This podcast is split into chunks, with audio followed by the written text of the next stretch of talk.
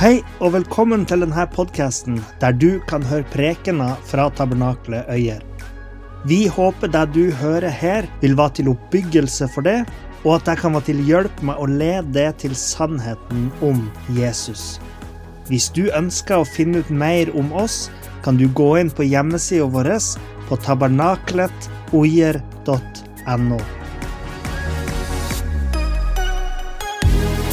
Først vil jeg si tusen takk til Niklas og Kjersti. Gjestfriheten har vært eh, helt topp siden jeg har eh, kommet. Eh, dere har en flott familie. Tusen takk til dere her i menigheten som har gitt meg tilliten og æren til å delta i deres fellesskap her på gudstjeneste. Som Kåre nevnte, har jeg vært litt rundt i Europa og verden. og det har ikke vært en kortreise til å komme hit, eh, til Heimdal, hvor jeg har vært eh, pastor i Pensekirka i 20 år nå. Jeg kommer opprinnelig fra Las Cruces, New Mexico. Og det er langt sør-vest i USA. Ca. 125 000 folk som bor i den byen. Veldig vakker by, men mange utfordringer for å navigere seg gjennom, særlig som ungdom. Så jeg tenker for å gjøre en kjempelang historie så kort jeg kan, så håper jeg rett til den mest uh, turbulente tid i livet mitt. Og det var ca. når jeg var uh, 16-17 år. Jeg gikk på high school. Uh, ble involvert med folk som brukte narkotika. og det trappet seg opp til at vet du hva, vi kan selge det her, og vi kan tjene penger. Og det holdt vi på i to-tre år. Og eh, når jeg var 19, så ble jeg tatt av politiet for salg av narkotika. Det var en veldig vanskelig tid i livet mitt. Pappa har dratt hjemmefra. Eh, Mora mi hun var ute og reiste pga. jobben hennes. Eh, jeg holdt det livet skjult fra alle andre, bortsett fra de som var involvert i det med meg. Mora mi visste ingenting eh, om det her.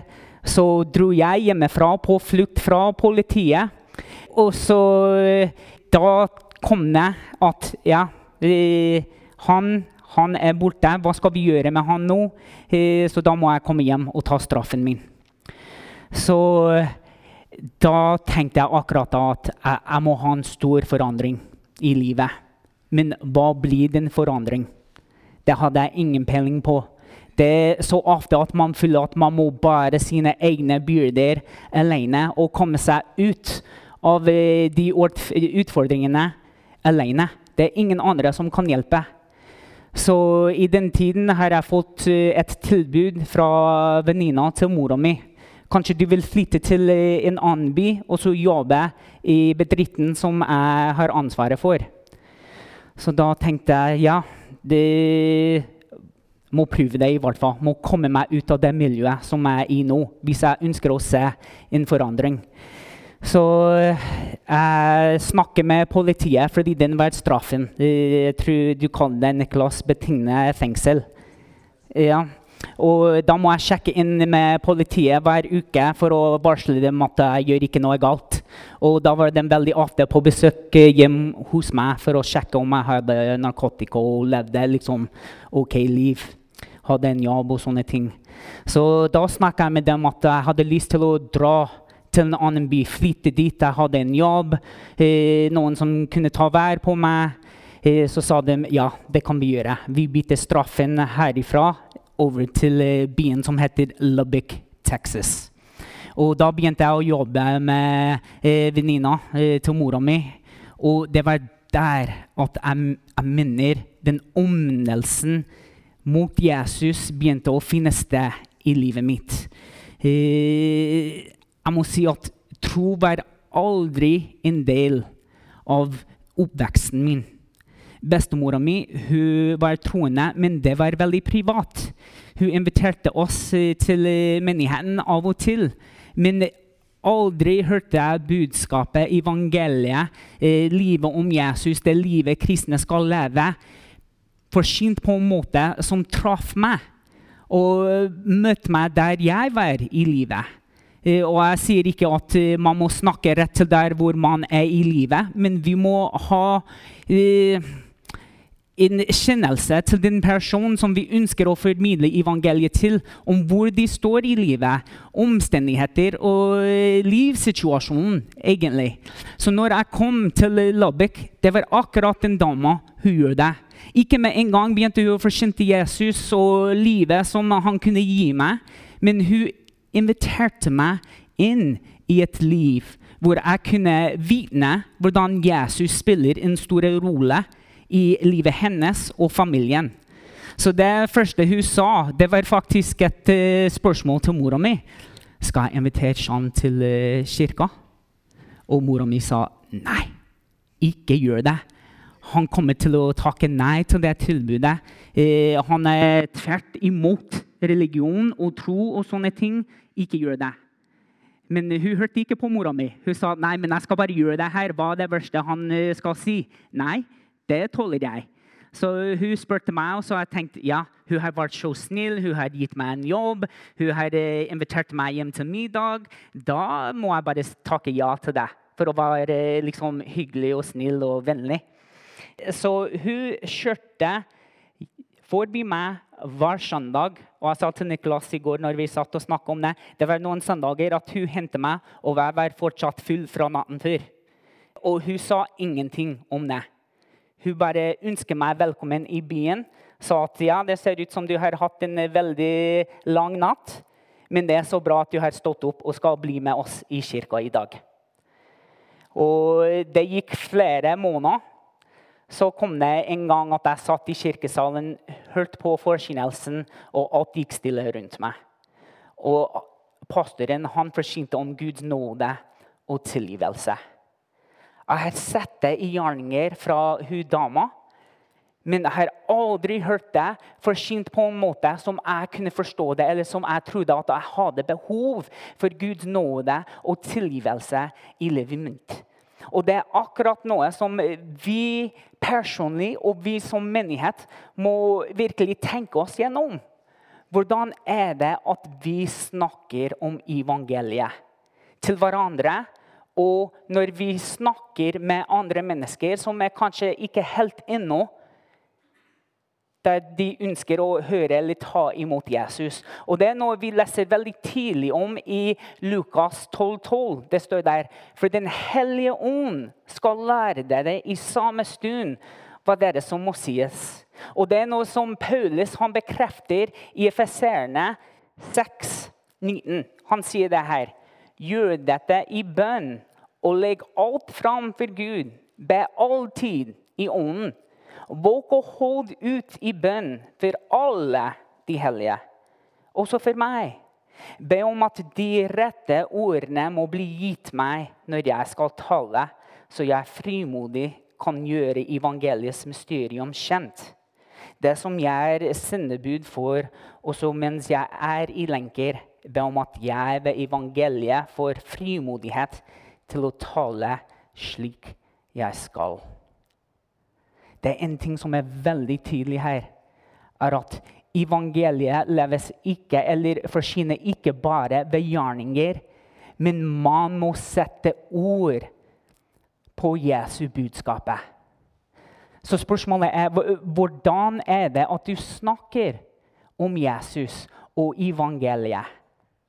Det var mange som så på hvordan Jesus levde.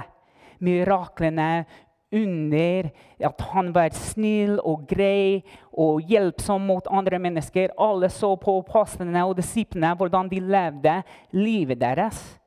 Men likevel brukte de ord for å forsyne Guds rike til dem og invitere dem inn til å leve det livet sammen med Jesus Kristus. Så jeg tenker for å snakke om det her, først må vi ha en forståelse om hvordan vi har levd livet vårt i forhold med Jesus. Hvordan vi har opplevd Gud i vårt eget liv. Så det er egentlig utgangspunktet jeg tar hver gang jeg kommer i en samtale med folk som jeg vet er litt nysgjerrig eller har spørsmål om Jesus, Bibelen, evangeliet. er at jeg bruker livet mitt.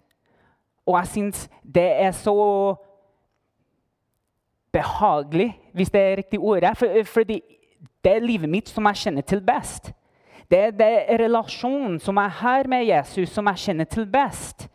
Og hvordan jeg har opplevd Guds ånd i livet mitt, som jeg kjenner til best. Mange eksempler som jeg kan dra fra for å levere og gi, forsyne, formidle Guds budskap om Jesus til andre som har behov for å høre det. Så eh, når vi snakker om Guds tilgivelse, eh, om Hans nåde, om Hans kjærlighet liksom Alle som eh, jeg mener alle møter, de har behov for å høre om akkurat disse tingene. Det har vært ganger i livet mitt hvor jeg må be andre om tilgivelse. Det er andre ganger i livet hvor jeg trenger å tilgi andre mennesker. Men hvordan snakker jeg om det med folk? Jeg kan eh, ta eksempel fra ekteskapet mitt. Jeg kan ta eksempler fra barna mine og hvordan jeg må, jeg må tilgi barna mine noen ganger. Fordi de kan være ganske frekke mot meg noen ganger. Eller eh, på jobb. Når vi jobber med andre mennesker, det er ikke det enkleste ting å gjøre. Man blir utsatt, man blir krenka, man blir litt utålmodig. Så vi må tenke hvordan er tilgivelse i den situasjonen? Og når vi møter folk som ikke har en tro, og lurer på ja, men hvordan skal jeg jobbe meg gjennom den situasjonen i ekteskapet mitt hvor kona eller mannen har eh, gjort noe som har krenket meg? Ja, men her har jeg muligheten til å snakke om ekteskapet mitt. Men ikke bare det, men da kan jeg også dra Jesu tilgivelse inn i bildet. Og snakke om hvordan Jesus har tilgitt mennesker. Det har vi lest i Bibelen. Jeg vet ikke om du har lest om det, men jeg har lest om det. Jeg har opplevd det i livet mitt. Og her er veldig tydelige bilder om hvordan Jesus tilgir mennesker. Og det er akkurat det samme vi er kalt til å gjøre så må vi også stille spørsmål for å finne ut hvor folk er i reisen mot Jesus. Og jeg syns Jesus han var en mester på det.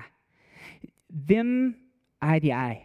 spurte han disiplene. Hvem tror dere jeg er? Hvorfor er dere så redd? Hvor lenge skal dere fortsette å ha så lite tro? Her syns jeg er veldig enkle spørsmål men de kan grave dypt ned i hva andre mener om dette livet. Og som sagt, Man trenger ikke å komme rett ut og si 'Hvem tror du Jesus er?' Men man kan godt komme i samtale med andre mennesker om livet. Hvor vi må også begynne å vende samtalen mot noe som vi mener andre har behov for. Noe som vi syns en, eh, kanskje ikke en, men den største delen, viktigste delen av livet vårt som er Jesus, og begynne å få dem til å løfte blikket opp og bort fra seg selv. De som opplever utfordringer, må vi få dem til å si at du trenger ikke å bære det her alene. Men her kan du begynne å gi dem bort. Kanskje de ikke stoler på Gud, kanskje du ikke har en tro. Men du kan i hvert fall prøve å legge ting frem for, eh, for Gud og gi, gi ham muligheten til å hjelpe deg med den situasjonen. Men Jesus han var mester på å stille spørsmål. Og for meg virker det sånn at gjennom de spørsmålene åpner han opp mulighet for å snakke om evangeliet. Og det samme kan vi gjøre. Hvem er du?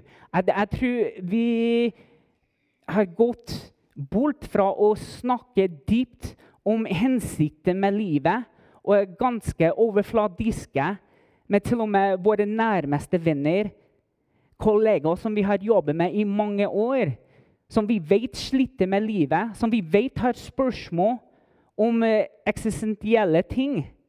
Men vi tør ikke å spørre dem et sånt spørsmål. Men hvem er du? Hvem tror du du er? Mine barn er 11, 9 og 8. Ble nettopp 10 i går. Men eh, jeg stiller dem Det er et ganske stort spørsmål. Men de må begynne å finne ut hvem er jeg Hvem tilhører jeg? Jeg vet at navnet mitt er Shan. Jeg vet at jeg tilhører eh, en familie. Men det er liksom større svar på sånne spørsmål. Vi er skapt for mer. Og mer er det forholdet med Gud, mener jeg. Men hvem er du? Hva er det du, du tror på? Her tenker jeg veldig i en vanlige spørsmål som folk må tørre å høre. Hva er det du egentlig tror på? Alle tror på noe, ikke sant? Men hvordan vi kommer inn på sånne samtaler, må vi alltid være åpne for hvordan Den hellige ånd skal gi oss inngangen til å stille sånne spørsmål. Fordi vi er også kalt til å nå folk på en veldig naturlig måte. Ikke med tvang, ikke med at du gjør dem ukomfortable med hvordan du gjør ting, men at du møter dem der de har behovet for å høre det spørsmålet.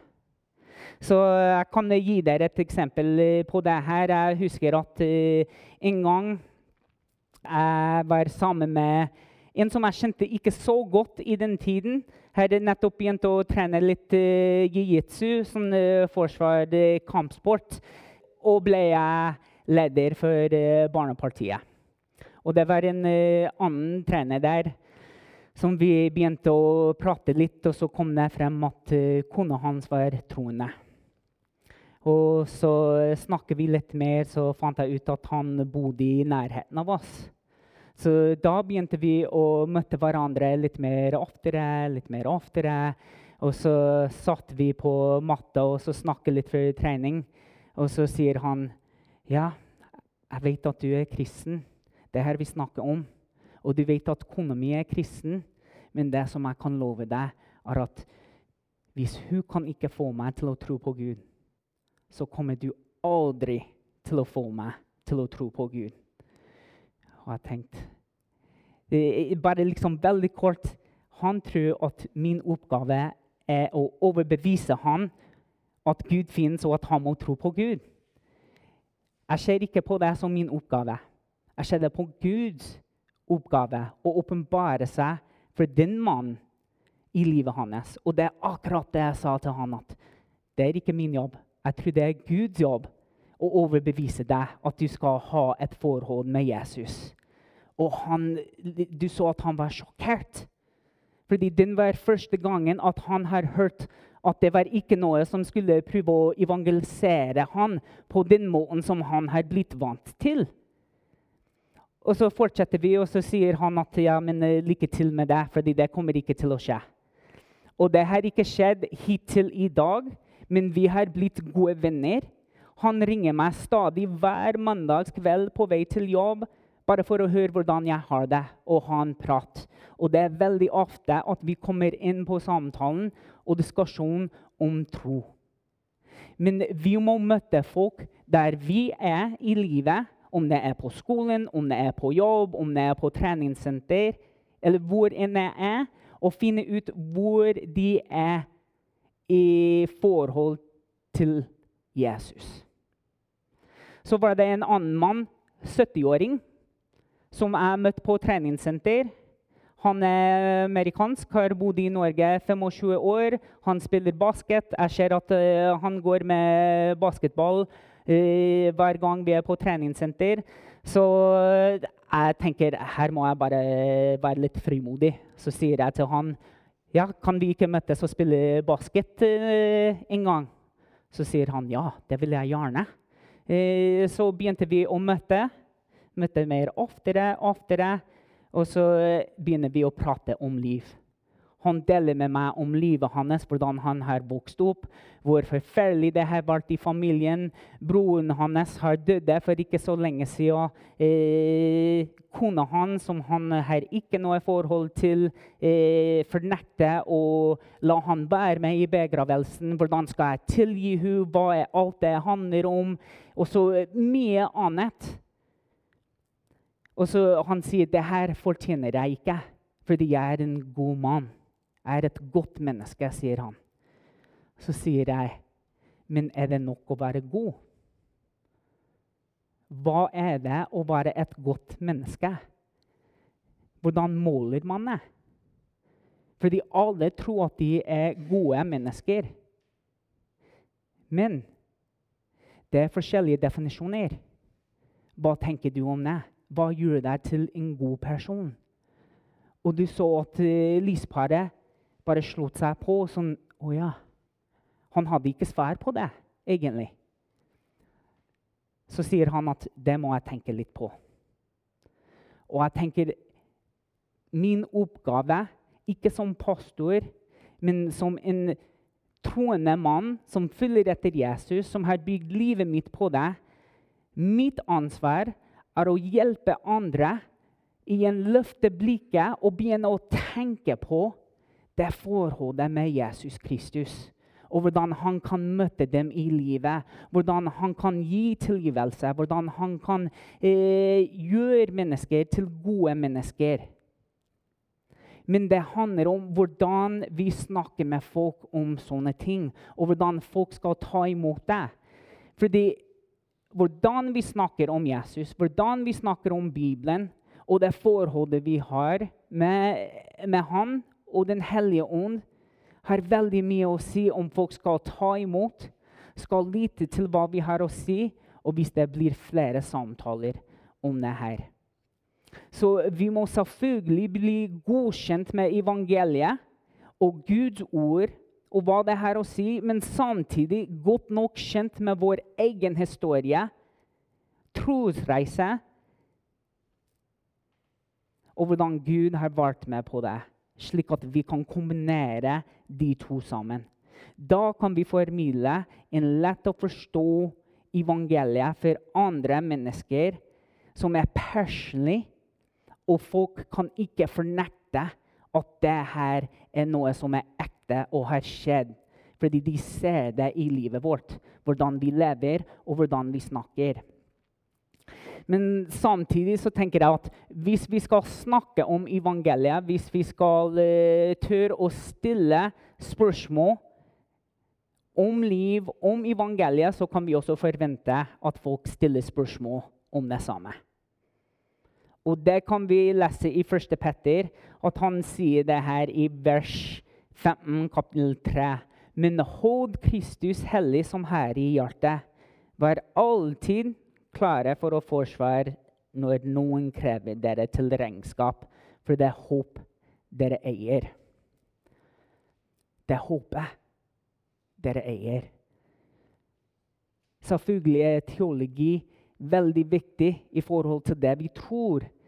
Men Petter sier her det håpet. At Jesus har dødd. At Jesus har reist seg opp for å gi oss et nytt liv. For meg det er evangeliet i seg selv. Og hvordan skal jeg gi svar på spørsmål som andre mennesker har om håpet jeg har i Jesus? Og det var noe som venninnen til mora mi var veldig flink på. Og Det startet med at hun var eh, først og, flink, først og fremst flink til å stille meg spørsmål om liv, om jeg hadde noen spørsmål om byen som jeg hadde nettopp flyttet til, spørsmål om jobben hun hadde gitt meg. Eh, men så kom vi inn på spørsmål om liv og tro. Så var hun tålmodig nok til å vandre med meg gjennom spørsmålene som jeg hadde, og gi meg svar som var begrunnet i Guds ord, men samtidig noe som hun har selv opplevd i eget liv. Så, sånne spørsmål som 'Hvorfor er jeg en synder?' Fordi det er så mange som går rundt og tenker men det handler ikke om meg. Det handler om liksom, de illeste, sykeste, dårligste mennesker. Der, der ligger det synd. Men egentlig, om du er ikke i Guds vilje, om du ikke har det personlige forhold med Jesus, da er man faktisk synder, uansett man er et godt menneske. Hvorfor skal Gud elske en som meg?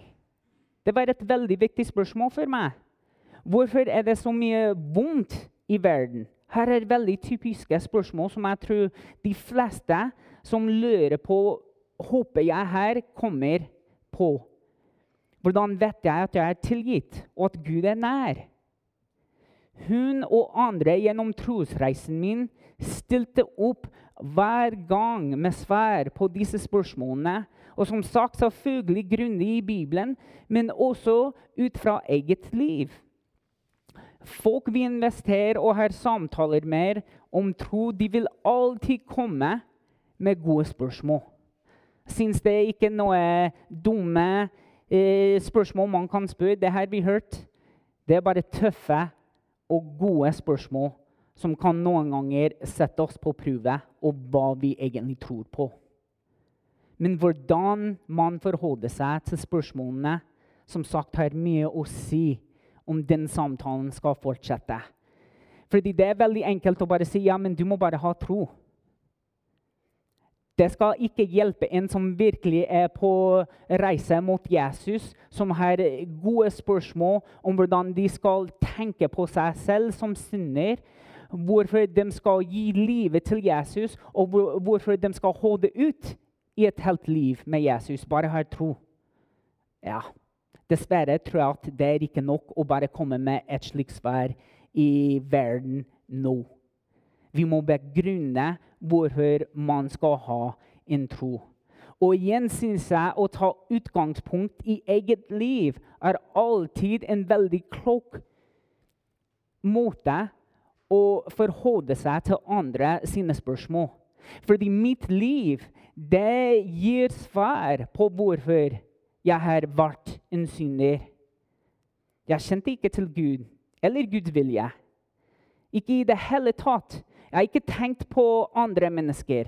Jeg har ikke tenkt på hva Gud ville for livet mitt. Ikke tenkt på hva hensikten for livet mitt var. Og når man lever slik, så lever man i synd. Og det fører til at det blir ondt og vondt i verden. Og Paulus han skriver i Romerne 12,2.: Innrett dere ikke etter den nåværende verden, men la dere forvandle ved sine fornyes, så dere kan dømme om hva som er Guds vilje, det gode, det, det som er til glede for Gud, det fullkomne. Og venninna til uh, mamma hun snakker om akkurat disse tingene. Tenk på livet ditt før. Hvordan levde du da? Hva tenkte du på da? Og så se på livet ditt nå. Hvordan ser du på andre mennesker? Hvordan forholder du deg til Guds vilje for livet? Hvordan er du så trofast i menigheten nå som du ikke var før? Her er det bare Gud. Det er bare Den hellige ånd som kan forandre livet, slik at du skal begynne å leve som du lever nå. Og det var skikkelig svar på noen av de tøffe spørsmål som jeg har for henne, og for den troen som jeg har kommet til. Og jeg tenker Jesu menighet, som samles hver uke for å tjene hverandre, for å tjene nærmiljøet, og rundt hele verden Det viser at Jesu legeme er synlig. Det er til stede. At det bryr seg, at Gud bryr seg om hvert eneste som kommer gjennom døra, selv om de ikke har kommet til tro eller ikke. Gud bryr seg om dem. Og man må sannsynligvis ikke komme gjennom døra her på tabernaklet, men kanskje gjennom døra til huset ditt. Vi må tørre å invitere folk inn i livet og gi dem muligheten til å stille spørsmål. Og da må vi være tålmodige nok og nådefull nok til å vandre gjennom den sesongen sammen med dem. Noen ganger er den sesongen veldig kort, noen ganger er det et helt liv. Men Jesus har kalt oss som etterfølgere til å leve det livet sammen. Det gjør Jesus nærvær synlig, Guds menighet. Og for folk som har spørsmål så er det enkleste for å bruke eget liv for å peke ut hvor viktig Jesus er for hver og en av oss. Og som, som jeg tenker på det, at vi skal bruke livet, både det gode og det ille for å snakke om Jesus. Fordi Jesus har gitt oss så mye godt. Samtidig har Jesus levert oss fra så mye vondt og ondt. Som vi har gjort selv, eller som vi har opplevd av andre. Men alt som vi lever gjennom og i dette livet, kan vi bruke til Guds ære og for å forsyne evangeliet om Jesus. Min historie er nå Guds historie. En historie om hvordan Jesus endrer hele livet mitt. Det er en historie som varsler, samtidig at den er til oppbyggelse og oppmuntring til andre om å søke Gud og Hans rike. Og din livhistorie gjør akkurat det samme som min historie. Du trenger ikke å være tidligere narkoman eller uh, selger eller på flukt fra politiet osv. for at trosreisen din skal ha innflytelse og få folk til å løfte blikket mot Jesus. Selv om våre historier er helt forskjellige, sannheten er at alle som har kommet til tro på Jesus, har fått og lever et veldig spennende og interessant liv. Og den er med tanken på hvordan vi forholder oss til hverandre.